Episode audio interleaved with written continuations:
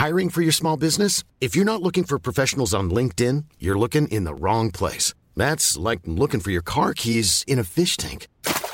LinkedIn helps you hire professionals you can't find anywhere else, even those who aren't actively searching for a new job but might be open to the perfect role. In a given month, over 70% of LinkedIn users don't even visit other leading job sites. So start looking in the right place. With LinkedIn, you can hire professionals like a professional. Post your free job on linkedin.com slash people today. Even when we're on a budget, we still deserve nice things. Quince is a place to scoop up stunning high-end goods for 50 to 80% less than similar brands. They have buttery soft cashmere sweaters starting at $50, luxurious Italian leather bags, and so much more. Plus, Quince only works with factories that use safe, ethical, and responsible manufacturing. Get the high-end goods you'll love without the high price tag with Quince. Go to quince.com slash style for free shipping and 365-day returns.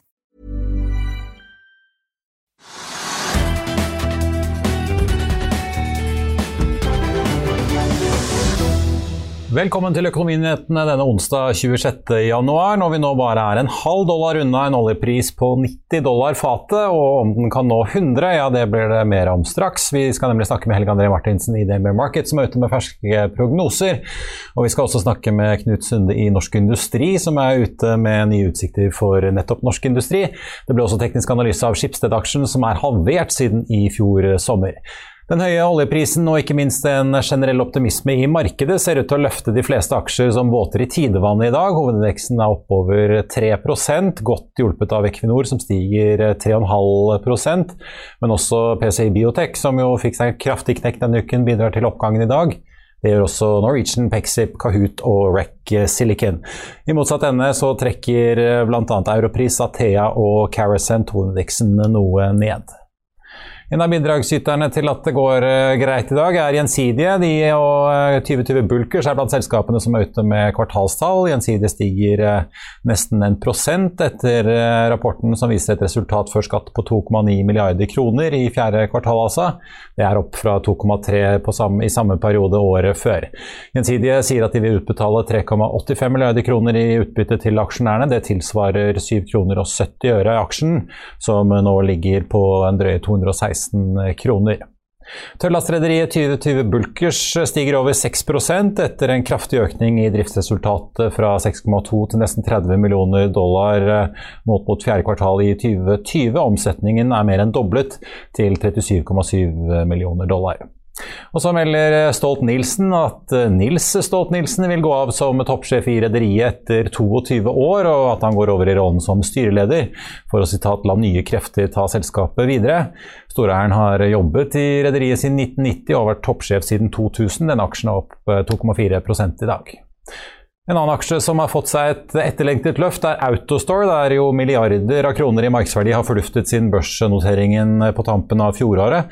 Den er opp nesten 13 i dag. Amerikanske Citigroup løfter anbefalingen sin på Autostore fra hold til kjøp, men kutter samtidig kursmålet noe fra 44 til 38 kroner. Det er likevel langt opp fra dagens kursnivå på rundt 24 kroner. Aksjen i Green Energy Group spratt opp nesten 20 i dag, etter at styret har besluttet å sette i gang en strategisk gjennomgang for å utforske alternativer for å, altså det de kaller maksimere aksjonærverdien i selskapet. Og det har altså satt eh, fart i kursen. BV Energy melder at de hadde en produksjon på drøye 12 000 fat på torturfeltet sitt i fjerde kvartal, og en kontantbalanse på 150 millioner dollar. Det er 20 millioner dollar ned fra kvartalet før. Den aksjen er opp nesten 10% til 23,30. Før vi går videre i sendingen, husk at du også kan se sendingene våre ved å gå inn på fano-tv, og at vi også har andre podkaster enn bare Økonominyhetene, som Morgenkaffen, Gründerpodkasten Veien hit, Ukens vintips, Kunstpraten og bilpodkasten Mil etter mil. De finner du ved å søke Finansavisen, der du hører på podkast.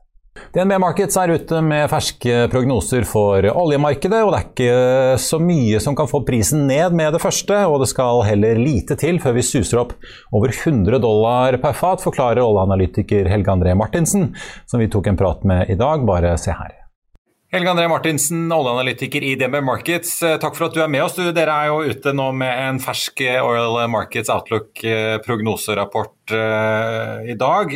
Alle har jo sett hvor brennhett energimarkedet har vært i det siste, selvfølgelig da på gassprisene her i Europa, men også oljeprisen som snuser på 90 dollar fatet, i hvert fall i kroner er på historiske rekordnivåer. Kan ikke du skissere litt? Dere legger jo opp eh, litt ulike scenarioer her for hvordan dette kan gå videre. Ja, du, du har rett i det. det er, vi har et par ulike scenarioer. Og, og, og vårt hovedscenario da, det er jo eh, fortsatt sånn at vi syns oljemarkedet ser veldig konstruktivt ut. Men vi inkluderer bl.a. Eh, Iran-fatene tilbake i markedet i vårt hovedscenario. Dvs. Si at vi tror på en atomavtale eh, i, i løpet av en måneds tid. Dette er jo en binær effekt, så, så, det kan fort ende med at det, det kommer null ekstra fat, iranske fat tilbake. Uh, og, og så, så, ser vi også at oljeetterspørselen er uh, sterk. Vi er ikke langt unna nivåene vi var før pandemien. Vi ser at en del OPEC pluss-land begynner å slite med produksjonen sin. Til og med Russland kan se ut som begynner å, å streve med å øke produksjonen ytterligere. Så, så oljemarkedet ser veldig konstruktivt ut. Men så sier vi også at det er veldig høy risiko for at vi kan ende opp med veldig høye oljepriser. Og det skal lite til før vi endrer den situasjonen. Eh, og da har vi skissert liksom et mer sånn eh, bullish scenario, som vi kaller det. og Hvor vi da gjør justeringer hvor vi sier at vi tror ikke på en uh, atomavtale, så vi tar Iran-fatene ut, ut, av balansen vår. Og så sier vi at etterspørselsgjeninnhentingen blir noe sterkere enn det vi tror. altså Det er mer pent up demand, oppdemmet etterspørsel. Vi vet jo det at Reiselysten er høy. Eh, spareraten har vært høy under pandemien, så hvis du kombinerer liksom høy reiselyst med, med, med, velfylt lommebok, så kan man få ganske eh, bra drag i, i, i mobiliteten i etterkant av pandemien. Så, så, så, de faktorene til sammen gjør egentlig at den ledige produksjonskapasiteten i verden blir egentlig helt uh, spist opp. Og, og, og, vi ender da opp i et marked som kommer til å være veldig volatilt. og kan, Det er høy risiko for prispikes, Og, og, i det scenarioet tror vi da at vi kan se oljeprisen opp i 115 dollar allerede neste år. Og over 100 dollar i andre halvår i år. Så Det er et mer ubehagelig scenario for, for verdensøkonomien, men, men, for så vidt i, i, det korte bildet i hvert fall behagelig for, for, for norsk økonomi og, og oljeselskapene på børsen. Ja, Da virker det som pengene skal fortsette å renne inn i, statskassen, i det minste. Men eh, altså, tidligere, altså for ti år siden, så hadde vi jo en, eh, begynte jo denne voldsomme flommen av olje fra skiferprodusentene i Nord-Amerika å komme inn i markedet, og sørget jo for at eh, prisene så å si kollapset eh, gjennom 2014 og inn mot 15 og 16. Eh, har skiferprodusenten OPEC eller noen andre oljeregioner egentlig noe å gå på og stille opp med hvis etterspørselen holder seg så sterk som du sier og disse Iran-fatene bl.a. ikke kommer inn? Du kan si at uh, du må, må se litt på tidsperspektivet her. Hvis vi, skal ha, hvis vi må ha mye fat ut i markedet på, veldig raskt, så begynner det å bli begrenset hvem som kan bidra her. Da ha, ser vi ledig produksjonskapasitet i, i Saudi-Arabia, selvsagt, og, og, en god del også i Emiratene. Litt i Kuwait og, og noe i Irak. Det er vel stort sett det. Til og med Russland ser ut til å på en måte, han begynne å nå taket på, på, på sin produksjonskapasitet. og Der må det da betydelig investeringsvekst og aktivitetsøkning til for, for å få til ytterligere produksjonsvekst. Og, og, så på skiferindustrien så er det jo sånn at ressursbasen er definitivt uh, tilstrekkelig til å ha bra veksttakt i årene foran oss. Så der handler det om å få opp investeringene, egentlig. Og da er jo spørsmålet denne nyvunne kapitaldisiplinen i, i skiferoljen. Hvor sterk er den ved, ved, de oljeprisene vi ser nå? Det er klart at uh, avkastningen på å bore nye brønner er fantastisk. Så spørsmålet da er jo da denne frie kontantstrømmen, som er rekordhøy, som selskapene har da, hvordan blir den allokert? Vil den gå tilbake til aksjonærene gjennom utbytte og tilbakekjøp av aksjer? Eller vil man også være fristet til å investere mer og bore mer? Men, men vi ligger jo inne med en ganske OK vekst på skiferoljen uh, i, i, år i år. 800 000 fat uh, år over år-vekst for skiferoljen modellerer vi, som er over konsensus. Så vi har for så vidt tatt høyde for at skiferoljen igjen kan overraske litt på oppsiden.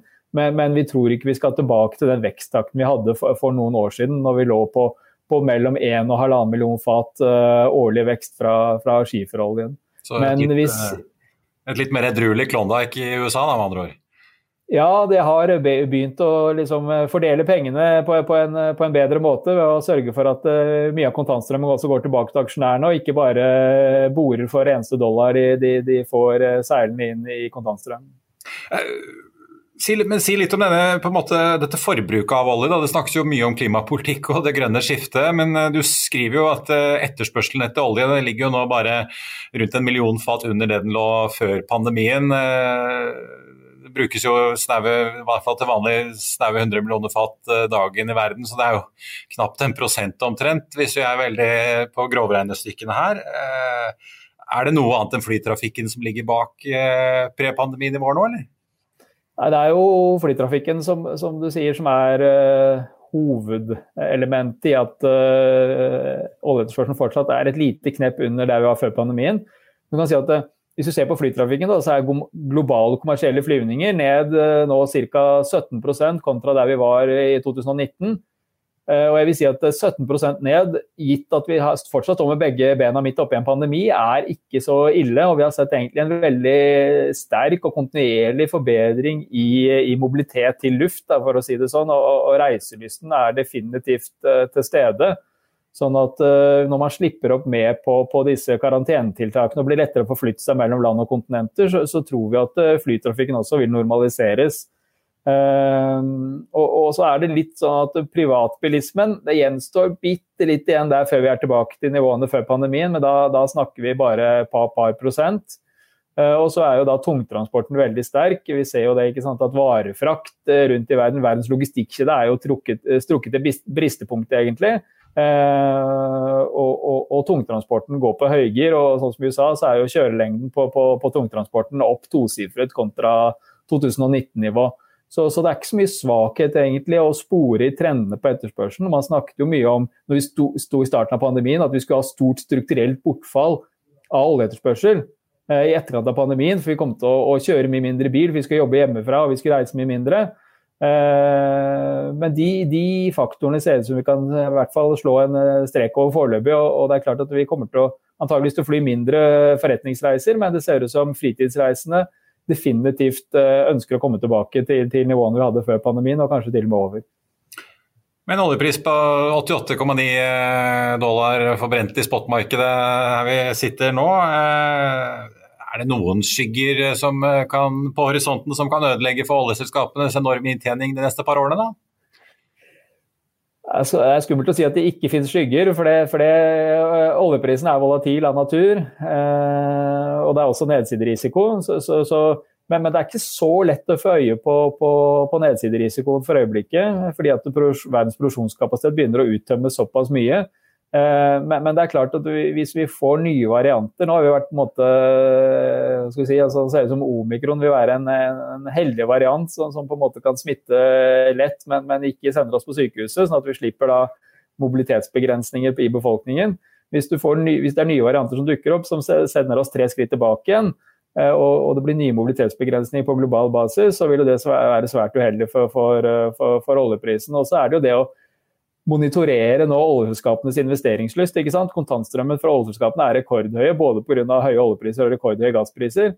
Spørsmålet er jo da vil investeringsviljen komme dramatisk raskt tilbake, eller vil man være mer avmålt i forbindelse med ikke sant? at man har jo fokus på det grønne skiftet, energy transition, Uh, og man har vært liksom, avmålt til å øke uh, olje- og gassinvesteringene til tross for en OK fri kontantstrøm.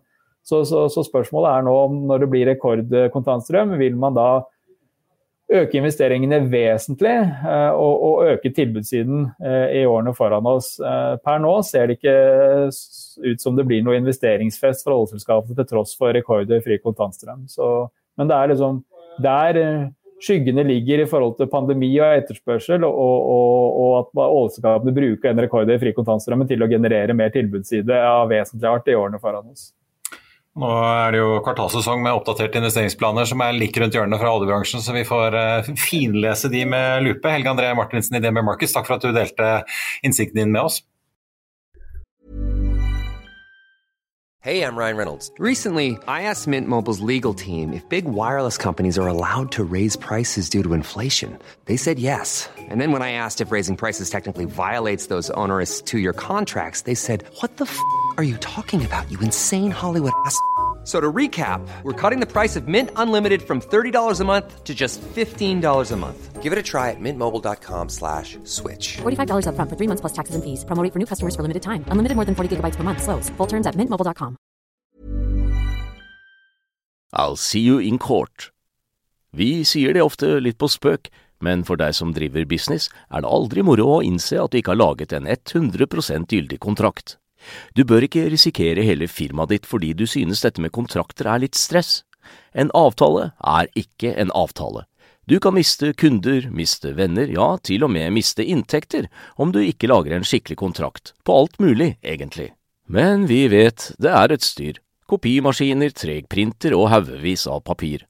Dessuten stoler vi jo på folk her i landet.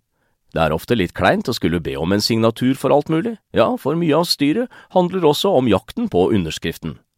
Det finnes en enkel måte å løse dette på, Dukkobit, en trygg, effektiv og get this, gratis måte å sikre seg en god natts søvn pluss en juridisk bindende avtale. Dukkobit-appen har de strengeste sikkerhetskrav i bunn, samt en EU-godkjent og sertifisert teknologi. Framover vil det bli behagelig å spørre du, skal vi skrive under på det, eller? Kom i gang på dokobit.no. Da skal vi over til Norsk Industri, som er ute med en fersk konjunkturrapport i dag, de også. Og deres 3000 medlemsbedrifter gir jo ikke bare arbeid til veldig mange her i landet, de utgjør jo også en veldig stor del av norsk økonomi. Så da får vi jo spørre hvordan det egentlig står til i en verden med inflasjon, dyr energi og masse logistikkproblemer. Knut Sunde, direktør for bransje- og industripolitikk i Norsk Industri, velkommen. Takk skal du ha. Ja, skal vi begynne med, skal vi begynne med kaoset? Det er jo ikke bare veldig stor etterspørsel og masse ledige stillinger der ute, men mange av medlemmene dine sliter jo med å få tak i helt nødvendige deler og komponenter. og Det var vel en overskrift i rapporten i dag? Ja, vi var jo klar over dette. Vi har stilt en del dublespørsmål til medlemmene for å få litt mer kjøtt på dette som egentlig alle sliter med å få litt grepet på, både sentralbanker og analytikere. Og vi vet jo at stålprisen er to til tre ganger økt i løpet av et drøyt år. Vi vet at strømprisen er fire-fem ganger høyere enn det var ved nyttår. Vi vet at containerfrakt og all mulig annen fraktpriser har økt med tre til syv ganger siste året pluss. Men det som var litt overraskende for oss, var at egentlig absolutt alt av innsatsfaktorer har gått i været. Og bare som en kuriositet så kom det i dag en pressemelding fra en euroorganisasjon for grafisk industri som erklærte mangel på papir i Europa. Så, da, da det også, ja. ja så, så, det dette viser, og litt som forlengelse av hva vi nettopp har hatt på olje, det viser altså at tilbudssiden greier ikke å respondere når etterspørselen er så sterk som den er nå etter varer. Uh, fordi vi er liksom litt sånn uh, ennå i sånn post-korona mange steder. Og det er nok noen land som også henger litt ekstra inn. Så disse verdikjedene går litt i stå. Og da får vi mye rot og surr over hele verden, og vi får det inn i norske industribedrifter. Ja, men Hvordan påvirker det dem egentlig? For altså, Du nevnte jo også økte stålpriser. Vi har også sett aluminiumsprisene er jo kjempehøye, så Alcoa og Hydro tjener jo gode penger på det. Men hvordan påvirker det medlemsmassen, da? Ja, altså Alle får dyrere innsatsfaktorer. Og så er det noen som er i den heldige situasjonen at de også selger det samme videre som innsatsfaktor til annen industri. Så de får tatt igjen? Ja, så de får jo økt produsentprisen sin, altså salgsprisen. Og da lever de godt med at det blir dyrere det de kjøper inn. Men de som får bare dyrere innsatsfaktorer og ikke får velte prisen videre, de sitter jo i skvisen. Og Derfor så skriver Statistisk sentralbyrå at dette går utover lønnsomheten i industrien. Det er lett å skjønne. Og, og hundrevis av medlemmer rapporterer tilbake at de har ganske inngående dialog med, med, kunder over hele verden om å prøve å få velta en del av denne prisøkningen videre. Fordi de føler at det er liksom ikke akkurat deres grunn. Og så har man litt rammeavtaler, man har langsiktige avtaler, og de åpner ikke akkurat for månedlig reforhandling av pris, for å si det pent. Så det er, det er, ganske delikate diskusjoner gående. og Samtidig så skjønner veldig mange hva som skjer, for det er ikke noe norsk fenomen. Takk og pris, dette er internasjonalt fenomen. Men det er krevende å, å, få dette velta videre, og det preger jo industrien litt mer. Mens i verna sektor så bare velter det jo rett videre. Så internasjonale kunder er ikke så veldig glad i dette. Og vi har også en del kunder som simpelthen når ting blir for dyrt, så stopper det. Altså, vi, vi lager ikke tankskip i Norge, men nå er tankmarkedet sånn at stålprisen er så høy at man bygger ikke tankskip. Punktum. Ja. Og i bilindustrien så både har du problemer med leveranser, men også priser som gjør at det går litt i rykk og napp i bilindustrien. Så, og vi ser det i boligbygging f.eks. at eh, en del boliger har blitt så dyre at det også går utover etterspørselen. Så det, i noen markeder så rokker dette ganske tøft inn på tilbud og etterspørsel. Eh, Dette har påvirket store aktører. Eh, Yara er en annen som måtte eh, kappe kraftig ned på ammoniakkproduksjonen sin her i fjor høst, og så plutselig skrudd inn på igjen selv om gassprisen var høy. og Det, det lukter vel litt av at gjødselprisen i andre enden var, var begynt å øke såpass at de klarte å regne hjem. Men er det noe spesielt som kjennetegner disse bedriftene som ikke klarer å hente inn de økte kostnadene de har? Er det de små? Er det noen Nei, bransjer? det er nok eh, altså, for, å si det sånn, I Norge er det helt håpløst å selge til offentlig sektor. For Når vi først har gitt et anbud, så ligger det fast i hele det evig tid. fast, ja. Så det er, De er jo mest oppgitt. Men det er klart det er en del internasjonale kunder som er harde i klypa. Og hvis man selger til bilindustrien, så inngår man avtale i sånn type 58 år fremover. Og da er ikke de avtalene skrudd sammen sånn at de åpner for hyppig reforhandling av pris. Eh, Så da kan du ikke komme noen force majeure og en advokat og tro at du har noe å bidra med. Da, da må du sette deg ned med kunden og si nå har vi et problem. Og hvis vi ikke leverer, så har jo også du et problem. Så, så det, er, det, er, det er ganske krevende diskusjoner, særlig der du har litt lange avtaler.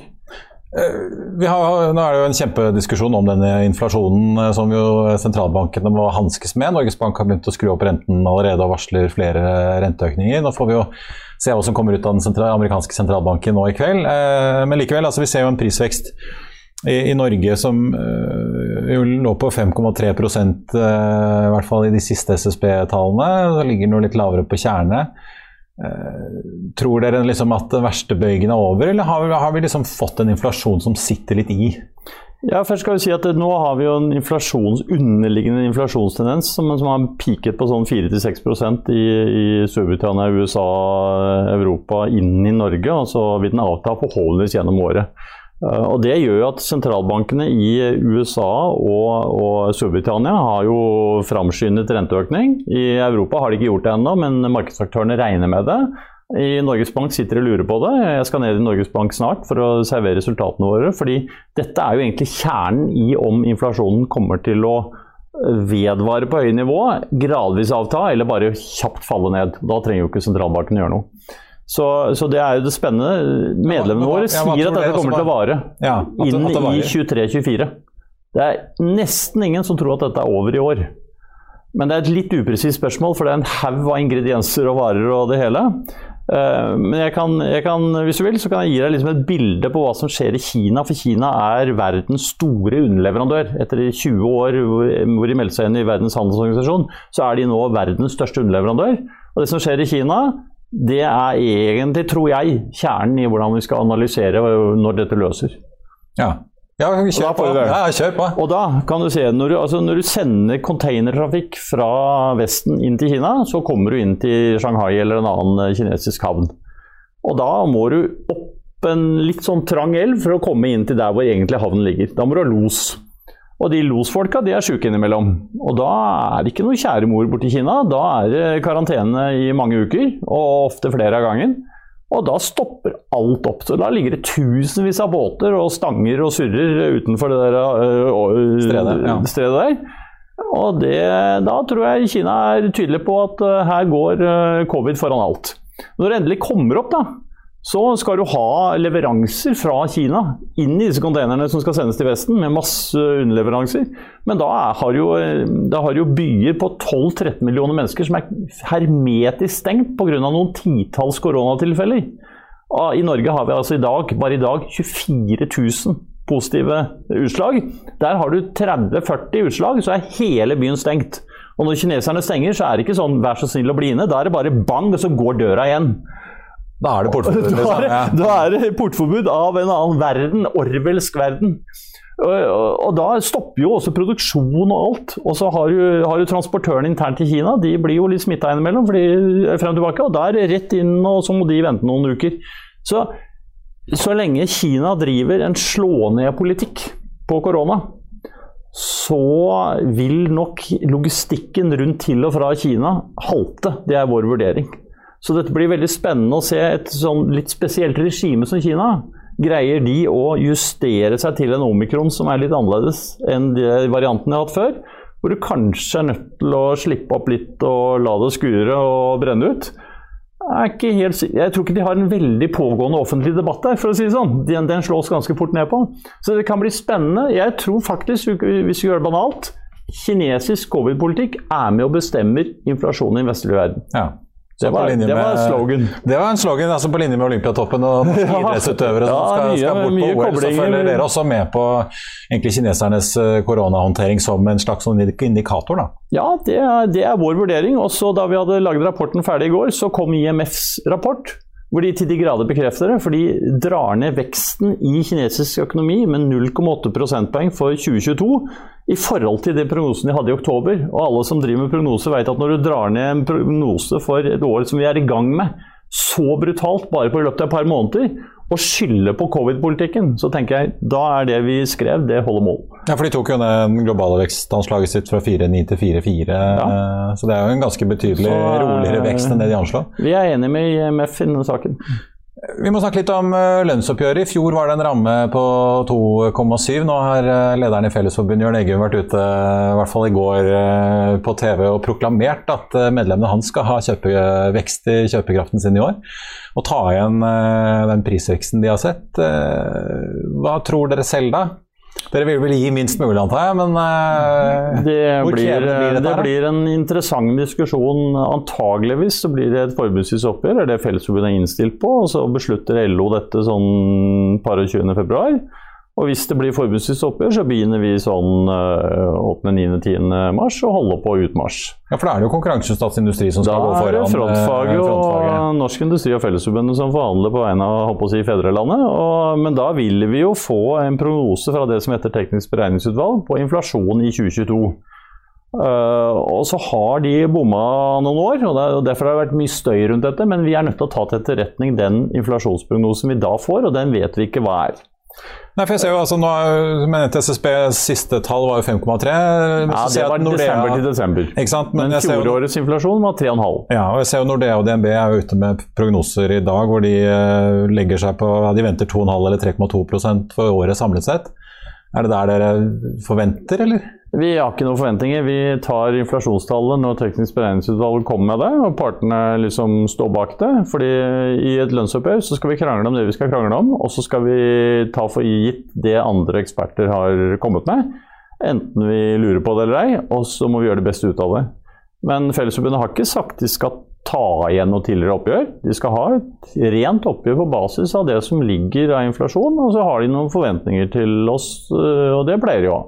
Så tar vi det derfra. Vi har noen uker på oss, og vi skal prate godt sammen og finne noen nyanser. Og i dag har vi lagt fram en konjunkturrapport hvor det går bra i industrien, men vi har betydelige problemer på innsatsfaktorer. Og Det er et faktum som vi har med oss inn i oppgjøret, og så har de med seg noen fakta inn i oppgjøret, og så tar vi det derfra. Det at det er så press i arbeidsmarkedet, som vi har sett er mye ledige stillinger ute, hva gjør det da? Tvinger det lønnsnivået opp eh, av seg selv? Det er, jeg tror det er mye dysfunksjonelle arbeidsmarked i Vest-Europa, inklusiv Norge, etter pandemien. Eh, mye rart som har skjedd. Og det er også en litt sånn mangel på utlendinger i det norske samfunn. Vi, jeg, tror er, jeg tror pandemien har synliggjort at Norge har veldig mange utlendinger til daglig i et vanlig år. Og, eh, ikke så mye i industrien, men masse helsefagarbeidere og sykepleiere og alt innenfor eh, offentlig forvaltning. Masse folk inn i byggenæringen og torskefiske og alt sånn. Og så har vi en del i industrien i verftene på Vestlandet. Eh, Men det, alt tyder på at de østeuropeerne som har kommet til verftene på Vestlandet, de vil fortsette å komme, for de får veldig godt betalt der. Og det er litt prestisje å jobbe der. Men jeg tror byggenæringen, og, og til dels innenfor helsefag, så er det blitt større problemer. Men det er klart det smitter over på hele samfunnet. Det er en litt kompleks materie som nok ikke rammer industrien så mye, men det rammer storsamfunnet og legger litt sånn bakteppe. Til slutt, eh, det har vært masse snakk om strømpriser og energipriser. Norge tjener jo meget godt, ikke bare på strømprisen, men selvfølgelig de høye olje- og gassprisene, som eh, gir masse penger i kassen. Forklar litt hvordan det påvirker. Mange av de store eh, industribedriftene har jo lange kontrakter som gjør at de unngår denne verste prisskvisen nå, selv om renserier og mange småaktører som jeg har sett på, på, TV får en ordentlig smell nå. Hvor lang tid på en måte går det med høye priser før de store også begynner å bli ordentlig rammet av dette? Ja, vi må skille litt, fordi Kraftintensive bedriftene de har stort sett langsiktige kontrakter, men ofte har de flere langsiktige kontrakter som løper ut på forskjellige tidspunkt. Og så til dels går de litt i spot. Er litt varierende. Og Dermed rammes de på ulik måte. og Noen uh, slapper av og kan vente noen år. Andre skal kanskje reforhandle avtaler på deler av forbruket sitt innen kort tid. Og noen har relativt mye spot. og så De rammes på ulik måte, men de har iallfall en litt mer forutsigbarhet, men mange av dem skal også investere enorme milliardbeløp. Altså bare på TISIR så skal de investere 10 milliarder og har styrebehandling av det nå. Elkem har styrebehandling av uh, grafitt på noen milliarder. Så, og det der tar man ikke lett på. Så de er opptatt av eh, liksom, det litt dysfunksjonelle når Europa går bort fra grunnlast i atomkraft og kullkraft og plutselig bare baserer seg på vind og solar som kun funker, når, døgnet, som kun blåser, funker når det blåser og skinner. Og når det ikke mm. blåser og skinner, så står de der og bare suger på alle andre, inklusiv Norge. Uh, tidligere hadde de liksom litt sånn orden i egne rekker. Nå er de blitt en sånn maskin som trenger uh, mye mer. Så uh, bildet er blitt annerledes i Europa, og det må vi ta litt konsekvensen av. Vi trenger ikke å liksom eh, endre hele og gå bort fra markedstenking, og sånn, men vi må regulere et marked. Akkurat som du må regulere et marked, bankmarked etter bankkrisen, så må du regulere og re-regulere et elmarked litt etter det vi har vært gjennom. Når det gjelder andre bedrifter som ikke ja, har Hvordan skal dere gjøre det? Altså, nå har vi jo bygget masse utenlandskabler. Eh, ja, har dere blitt ført litt bak lyset her de siste årene av eh, nei, Statnett og myndighetene? Men det er sånn at uh, når, når, ting endrer seg kanskje ganske fundamentalt, og det blir mye mer volatilitet i Europa, så må vi ta høyde for det. Og vi kan ikke liksom bare fortsette som før og si oi, det har skjedd noe helt fundamentalt utenfor stuedøra vår som vi er helt avhengig av. Vi later som ingenting og fortsetter som før. Det går jo ikke an. Uh, men å hoppe i den der grøfta hvor liksom markedet skal bort og fastpris og, sånn, det, det, det, er jo eh, helt latterlig. Hva er det dere ser for dere? Nei, vi ser for oss at Man må jo skru på ulike knapper som gjør at man tar inn over seg en ny verden hvor volatiliteten i Europa den vil vi i minst mulig grad ha inn i Norge. Akkurat som etter bankkrisen så justerte vi rammebetingelsene for bankene for å være helt sikre på at de holdt mål. Så må vi justere rammebetingelsene for e-verkene nå, så ikke de blir en volatilitet inn i det norske samfunn. Men det er en langsiktig. På kort sikt så er det en del andre industribedrifter som ikke har langsiktige kraftkontrakter, som blør. Ja, ja. Der har vi foreslått noen, noen, litt sånn enkle ting som vi vet er ganske lett å få til innen regjeringsapparatet og som vi forventer at de vurderer nå, og som de kan komme med på fredag hvis de vil. Men Jeg er litt sånn interessert da på, ja, på sikt. da. Ser dere for dere en, som en permanent omfordeling av det voldsomme produsentoverskuddet som genereres da i kraftselskaper, og som da drypper ned i kommunekasser og i utbytte fra Statkraft inn til staten, at, eh, at, det da refordeles tilbake til industri og husholdninger? Eller? Det er uh, veldig komplekse sammenhenger. Eh, på veldig lang sikt så er det ingen tvil om at eh, hele AS Norge trenger fram mot 2040-2050 en 70-80 terawatt til for å tilfredsstille Parisavtalen, reforhandlet til Glasgow og få til de nye industrielle mulighetene inn mot hydrogen, ammoniakk, eh, batteri osv. Og det eneste stedet store volumer kan komme fra, er havvind. Alle land i Europa satser på havvind, unntatt Norge. Nå må vi komme etter. Eh, for et år siden så jobbet vi med havvind kun fordi det var en eh, videre omstilling av leverandørindustrien, hvor det blir litt mindre olje og gass, og havvind er et av flere kjempespennende kommersielle markeder. Nå er havvind også en driver inn mot å bedre kraftbalansen i Norge. Og den uh, mindset-omstillingen der er det mange som ikke helt har fått med seg. Og men ikke en like billig kraftkilde som å få inn mer vannkraft? som det også tar store Ja, men altså hvis du skal ha 70-80 terawatt over en del år, så er det dyrt uansett. Og alle nye kilder er dyre til å begynne med. Landvind var kjempedyrt, er nå kommers. Solar var kjempedyrt, er nå kommers. Havvind kommer til å bli kommers, det er det allerede mange steder i Europa. Vi kommer til å starte på et høyt nivå i Norge. Når vi får industrialisert og store volumer, så kommer den prisen også ned. Eh, men vi har en sånn periode vi skal gjennom, med litt crash bang, og hvor det er veldig mye emosjonelt og følelsesmessig og ideologisk eh, skinndiskusjoner, også internt i regjeringen. Og mange har sine agendaer i det offentlige debatt, herre min hatt, men dette må vi bare gå gjennom. Men det er, det mer, det er mer kraftproduksjon dere i utgangspunktet mener er hovedingrediensen for å, å, sikre at vi holder oss konkurransedyktige på sikt? da? Ja, altså Vi vil ha en omstilling. Vi vil ha boostet havvind også for å få leverandørindustrien til å få flere bein å stå på, så ikke den dras ned i kjølvannet at oljesektoren på et eller annet tidspunkt eh, slakker av. Men vi vil ha den kraftbalanse, voldsomme kraftbalanseforbedringen gjennom havvind. Mm. Og det mener vi at, eh, at, eh, kommer til å skje, og så er det mye støy. Men i løpet av kort tid så tror vi regjeringen kommer med en tilleggsmelding til Stortinget hvor dette blir behandlet, og da er vi litt på skinnene. Og så er det mye vi kan diskutere rundt det med støtteordninger og, og hvor dyrt det er og hvor vanskelig det er og sånn. Men det er ingen som har noe særlig annet eh, Altså alle som peker på problemene, det er ingen som har noen alternativer. Mm. Alt koster i dette landet her. Og å tilfredsstille klimakravene, det kommer til å bli dyrt for storsamfunnet åkke som. No, uh, Men industrien står midt inni det og skal levere som bare det. Ja, jeg tenkte jeg skulle si som amerikanerne pleier å si, there's no free lunch. Absolutt ikke. Knut Sunde, bransje- og industripolitisk direktør i Norsk Industri, takk skal du ha. Og så blir det spennende å både følge energikrisedebatten og lønnsoppgjøret og mye annet uh, fremover. Da skal vi få med at riksselskapet riggselskapet til Tor Olav uh, Trøim, Bård Drilling, er opp nesten 16% nå.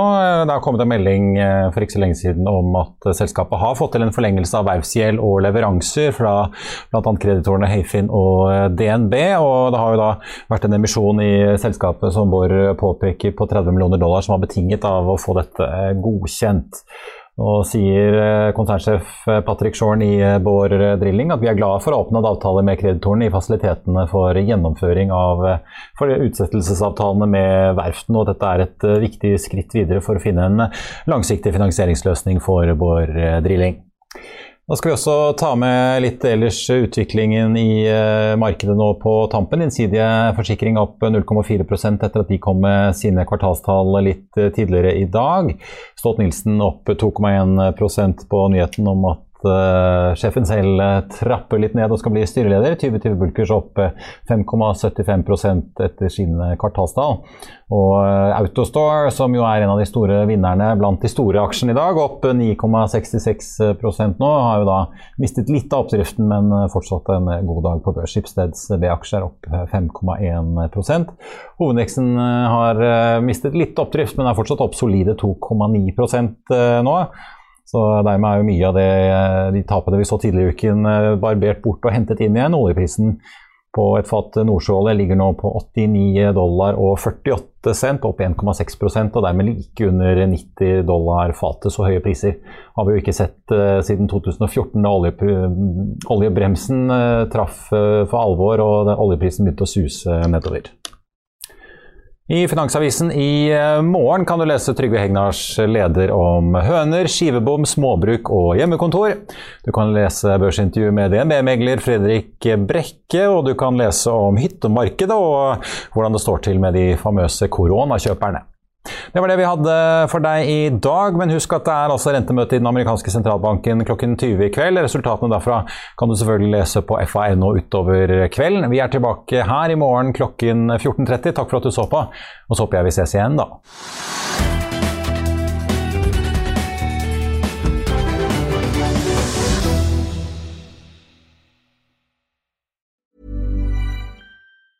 Hey, it's Danny Pellegrino from Everything Iconic. Ready to upgrade your style game without blowing your budget? Check out Quince. They've got all the good stuff shirts and polos, activewear, and fine leather goods, all at 50 to 80% less than other high end brands. And the best part? They're all about safe, ethical, and responsible manufacturing. Get that luxury vibe without the luxury price tag. Hit up quince.com slash upgrade for free shipping and 365 day returns on your next order. That's quince.com slash upgrade. Økonominyhetene er en podkast fra Finansavisen. Programledere er Marius Lorentzen, Stein Ove Haugen og Benedikte Storm Bamvik. Produsenter er Lars Brenden Skram og Bashar Johar. Og ansvarlig redaktør er Trygve Hegnar.